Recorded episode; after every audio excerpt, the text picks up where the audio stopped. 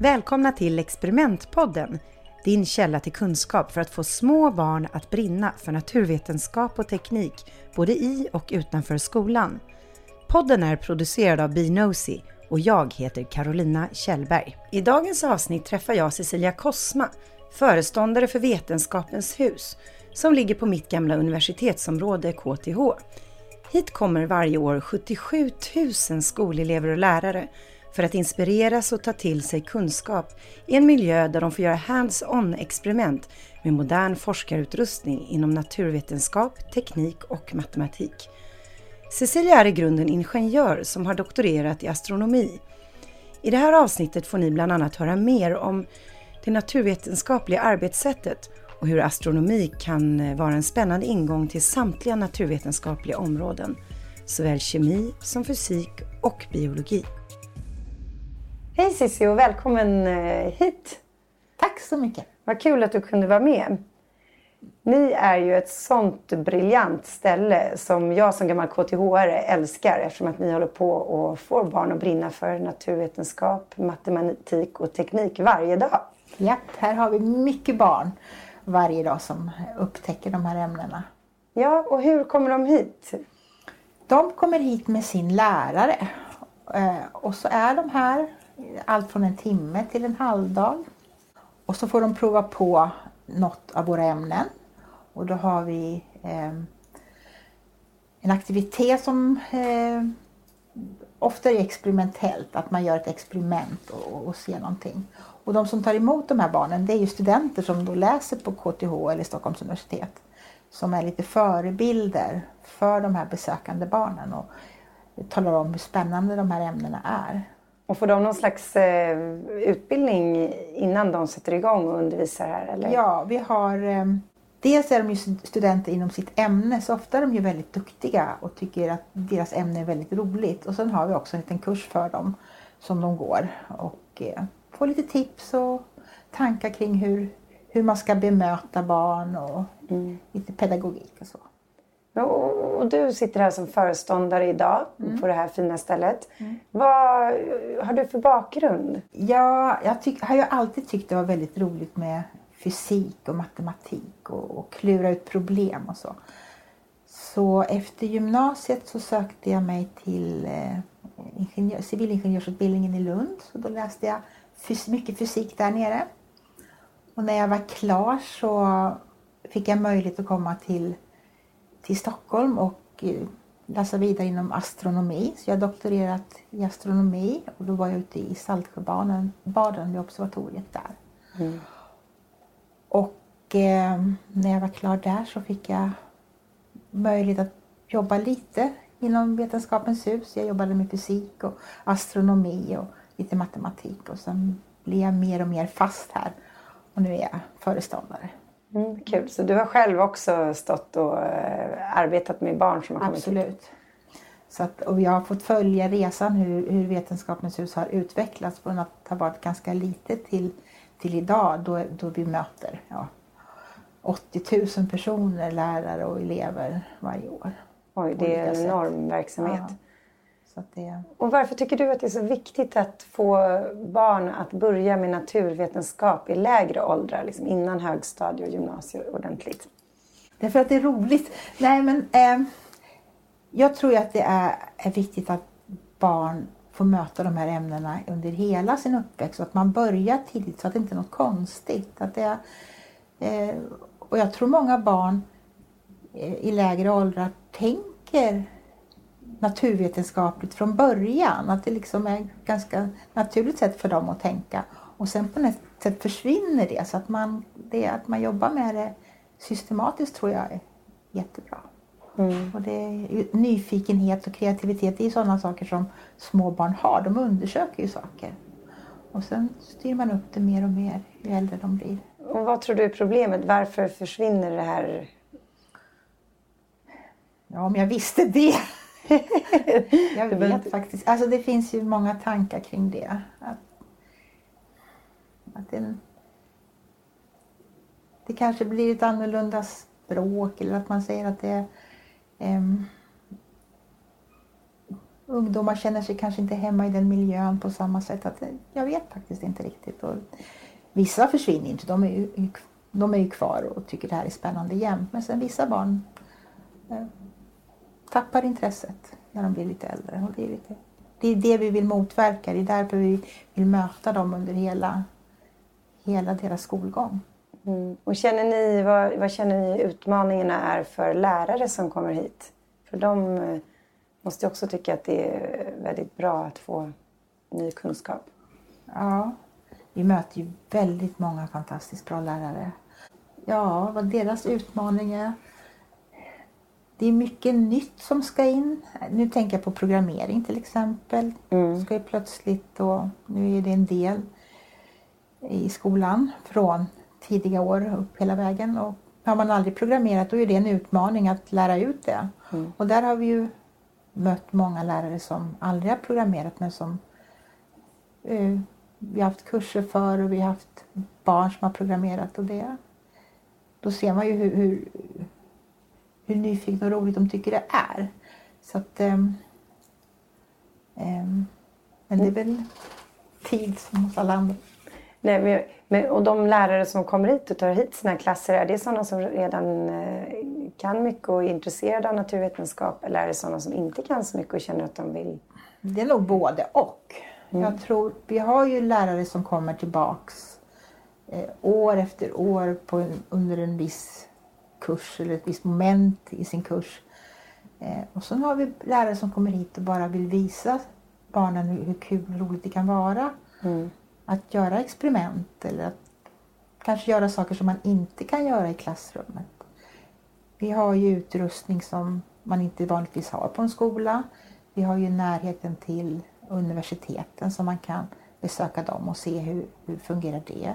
Vi har ju Naturens hus som eh, ligger i Bergianska trädgården så där har vi tillgång till hela eh, ja, trädgården och växthus. Mm. Eh, och då kan man ju titta på växter och, och djur som man kanske inte alls har möjlighet att titta på i sin undervisning. Okej, vill du berätta någonting om Naturens hus kanske lite, hur ni gör där? Mm. Naturens hus, där har, har, vi många av de yngre barnen är nere för att det är en väldigt trevlig miljö. Det är ett litet rosa hus ute i trädgården. Och man kan vara både i trädgården och inne i växthusen. Så där eh, har vi väldigt mycket småbarn under framförallt sommarmånaderna, maj, september, men även under jul, juletider då vi har aktiviteter. Då. De får upptäcka växter och kryddor kring julen. Är det öppet för allmänheten på sommaren då eller är det organiserade det är kurser? Alltid organiserade. Det är alltid någon som tar emot besökande elever och lärare.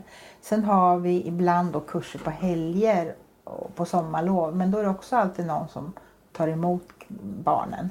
Så att man kan till exempel på som, under sommaren eh, undersöka vad som finns i dammen.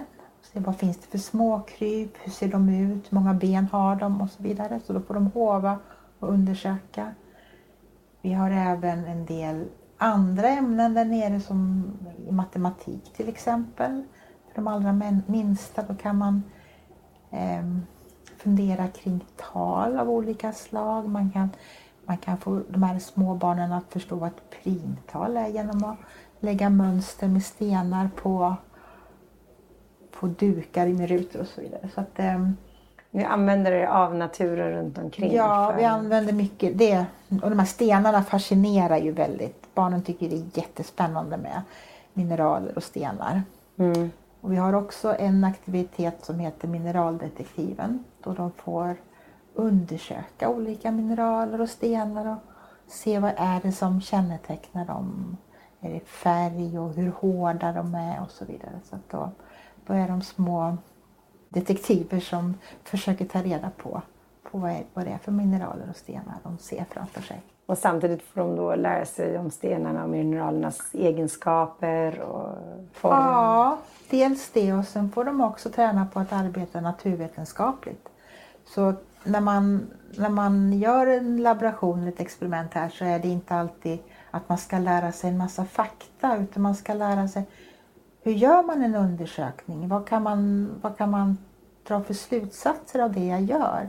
Så det är mycket det här arbetssättet. Mm. Det är det genomgående då i alla era... Ja, jag skulle säga det att det är, eh, det är också ett sätt att eh, man är nyfiken och vill ha reda på. Det är inte det här att ja, det är rätt och fel utan hur gör man för att ta reda på saker och ting och vad kan vi lära?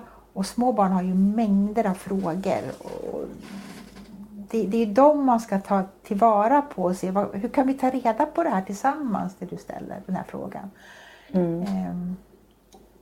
Och även få dem att förstå, i verkligheten så är det ju många experiment när man arbetar som forskare som inte går som man har tänkt sig. Ja. Det kommer jag ihåg. Ja. Och det är också ett resultat. Om man, får, om man vill ha ett resultat och få något annat så är ju det ändå ett resultat. Mm. Och man kan ha laborationer som man vet vad det ska bli för resultat men sen är det andra saker som man inte vet. Om man hovar i en damm då vet man aldrig vad man får upp. Nej. Och det är ju inte att få upp något som är rätt eller fel utan nu fick jag upp det här. Och då får vi titta på det vi fick upp. Mm. Um. Så det, Ja men det är viktigt ju. Det naturvetenskapliga ja. arbetssättet ja. ju, genomsyrar ju allt. Och det tror jag kan vara ett sätt att visa att de, är, att de kan bidra till naturvetenskap, att de är en del av det. Att det är inte någon som säger att så här och så här är det, utan man tar deras frågor på allvar och så undersöker man det och så kommer man fram till ett svar tillsammans med barnen. att ja, vi ser det här och hur kan vi, hur kan vi tänka kring det? och jag kan tänka mig att eftersom era lärare här ute har väldigt hög ämneskunskap så kan de svara på många av barnens frågor. De försöker. Barn har oftast väldigt kluriga frågor så de är inte alltid lätt att svara på men vi gör vårt bästa. Ja, det är bra. Men ni gör också saker ut mot allmänheten, eller hur? Ni har olika ja. projekt. Vi har större evenemang och även kurser för allmänheten. Så under terminstid har vi helgkurser eh, för barn och det är hela vägen från sex år och uppåt. Och då kommer man kanske sex helger och så får man då prova på alla våra ämnen och labba och då labbar man med jämngamla barn så att man, det blir, det blir, man får kompisar och man får mm. göra spännande saker. På sommaren så har vi sommarkurs för tjejer. Under två veckor så har vi cirka 100 tjejer per vecka och då är de lite äldre, från årskurs fem ungefär. Och hur kommer det sig att ni har valt att fokusera på tjejer i de kurserna? Det är en fråga man ofta får. Ofta så tittar man på helgkurser så är det mest killar. Och då ville vi göra en arena som var för tjejer. Att de skulle liksom få känna sig bekväma, att de fick sätta sin prägel på det på något sätt. Och vi, vi tror att det här är en väldigt viktig kurs. Vi, vi ser det på tjejerna när de kommer hit att de, de bildar kompisband. De, eh, de får bara upptäcka på sina egna villkor på något sätt. Det är inte, så att, eh, ja, vi tror att det, det har en det är viktigt att de får sin, sitt eget utrymme i alla fall någon gång. Så. Mm. Håller de sig annars i skymundan när killar är närvarande och mer dominanta? Inte alltid men... Eh... Eller vill de inte ens dyka upp om det är massa killar? De kommer ju med sina klasser oftast och då är det ju blandat. Men just de här helgkurserna då ser vi att då är det mycket killar mm. som kommer. Sen eh, så är det också, de här sommarkurserna finansieras av företag och de ser ju att det är få tjejer som, de vill ha fler tjejer som jobbar i sina företag. Mm. Och därför tycker de också att det är viktigt att man har lite fokus på dem. Och visar, visar dem att det finns jättespännande jobb och eh, spännande saker att jobba, eh, läsa på universitet och så vidare. Så att, eh, ja, vi, vi sa det att vi har de här två veckorna. Så får de får, får de förfoga över de två veckorna. Mm, det är ju toppen ju. Ja. Men sen så, eh, vi har ju mer fokus på de yngre barnen i förskolan och lågstadiet. Men mm. Ni har ju ett jättespännande projekt här med, på Gröna Lund Ja, snart som riktar sig till äldre barn. Men jag tror ändå, vi pratade om det tidigare, att eh, även lärare åt de yngre barnen kan applicera det här. ja vi har eh, ett evenemang som vi kallar för Edutainment-dag på Gröna Lund. Och det är ett samarbete då mellan Gröna Lund och sen Nationellt resurscentrum för fysik och SAS, Vetenskapens hus. Och då är det högstadiet och gymnasiet och då har vi tillgång till Gröna Lund bara för skolelever under ett par timmar. Och då får de åka i attraktionerna med kanske en vattenmugg i fritt fall eller eh, man kan ha olika sensorer på sig som mäter acceleration när man åker berg och dalbanor och så vidare. Eh, och då, får, då kan man känna, man kan känna acceleration, man kan känna eh, gravitationen. Man, vad, som sagt, vad händer om man åker fritt fall med ett glas vatten? Sen finns det också det, Ann-Marie Pendrill på Resurs- Resurscentrum för fysik, hon har gjort mycket material även för yngre barn. Eh, lekplatsfysik, vad kan man undersöka på en lekplats till exempel? Och det finns, man kan hitta på nätet information om det. Mm. Kul. Och det är ju en stor lekplats på Grönlund. Det är en mycket stor lekplats. Eh, Och det, det som är spännande där är att man kan lägga det på en mängd olika nivåer. Man kan göra ganska avancerade saker för gymnasieelever och man kan eh, bara få en grundläggande känsla för de här olika krafterna för lite yngre barn. Mm. Det är ju jättespännande ju. Vad gillar du med ditt yrke? Ja, det jag tycker är väldigt spännande här är ju mötet med alla människor. Alltså det finns ju så mycket fantastiskt duktiga lärare. Det finns så många nyfikna och frågvisa barn. Eh, och så personalen är ju fantastisk. De, de brinner ju också väldigt mycket för det här. Så att ibland får man bromsa lite när det, de har alldeles för vilda idéer. Så att det, nej, men det är väldigt att människorna. Och så naturligtvis ämnena. Jag tycker ju det är jättespännande med naturvetenskap och eh, astronomi. Är ju, med min bakgrund så tycker jag det är väldigt spännande. Och jag tror det bra sätt att närma sig naturvetenskap genom astronomin. För det är ett område som fascinerar de allra flesta barn som jag har mött tycker det är spännande med himlen och svarta hål och sådana saker. Och då kan man, astronomi innehåller ju alla ämnen. De innehåller ju ja, fysik men också kemi och man kan fundera på hur kan man leva på Mars? Eh, hur, teknik, hur reser man ut i rymden? Matematik måste man nog kunna för att ta sig ut där också. Mm. Och hur lite mer i detaljnivå eh, finns de här ämnena här? Kemi till exempel i astronomi. Kan du förklara för de som inte är så insatta vad för typ av kemi de kan prata med barnen om? Eh, vad det gäller kemin så har vi ett, en aktivitet ehm, för de lite äldre som handlar om hur man eh, raketbränsle. Så det, det är nog för svårt för de minsta. Men ehm, Man kan ju i och för sig göra små enkla experiment med Raket- raketer som flyger iväg av lufttryck. det kan man göra, absolut. Bakpulver, Ja. vinäger, Det kan man absolut göra. kemi. Ja. Ehm, Men med de minsta kan man ju bara gå ut och titta på stjärnhimlen, titta på månen. Mm. Man kan, eh, man kan projicera ner en bild av solen. Man ska, aldrig titta, man ska vara försiktig, man ska aldrig titta rakt mot solen. Men man kan ta en kikare och så kan man då rikta den mot solen och så projicera ner en bild av solytan så kan man titta på den. På ett vitt papper då, eller vad brukar du Ehm, föreslå? Men man har en kikare och så riktar man eh, den del man tittar mot ögat mot ett papper Mm. och andra delen mot, mot solen. Det kan vara svårt att hitta solen men lyckas man så får man en bild som projiceras på ett vitt papper och då kan man se om det är, ja, hur det ser ut. Så att, eh, Wow. Det är en jättebra eh, uppgift. Ja, men man får som sagt vara väldigt försiktig så man inte tittar rakt mot solen. Ja. Månen är ju mycket mm, säkrare att titta mot. Fast då är det ju oftast... Eh, eh, ja, månen kan man ju se på dagen ibland också men stjärnorna är- då är det ju nattobservationer. ja, och när det gäller då biologin till exempel som du pratade om, kan man leva på Mars? Ja, då kan man fundera på vad behöver man för att leva på Mars egentligen? Eh, vad behöver man ta med sig? Man behöver lite luft och mat och det kan man fundera ganska mycket kring. Ja, vad finns där? Ja, vad finns där och vad, Som, och vad har vi som de inte har? Ja. Och man kan också prata kring andra planeter. Vilka andra planeter skulle man vilja resa till? Man reste till månen för 50 år sedan.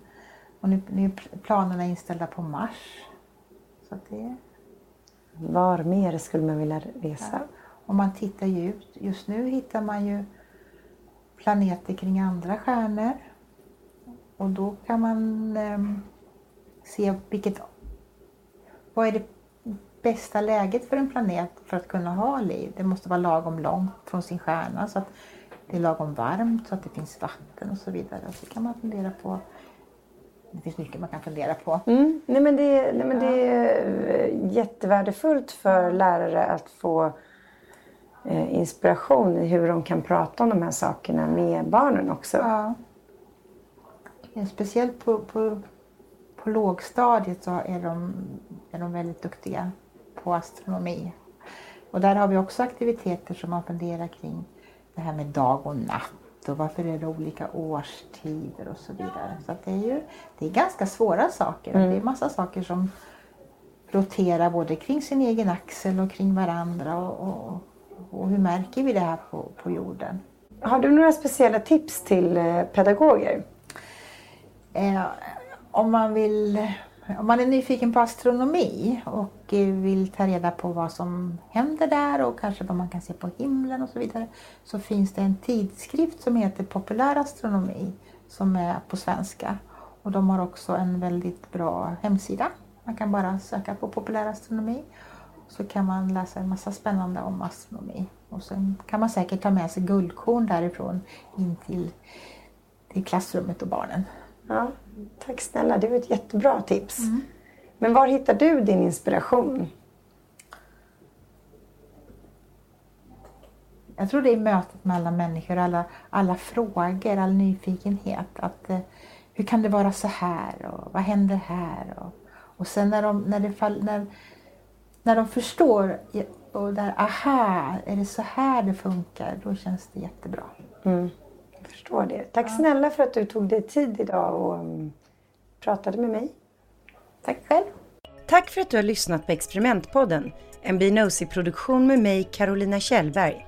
I nästa avsnitt träffar jag förskolechefen Malin Maron på Svalans Montessori-förskolor i Stockholm. Vill du få detaljer kring experiment så gå in på binosi.com och prenumerera på vårt nyhetsbrev. Vi hörs snart!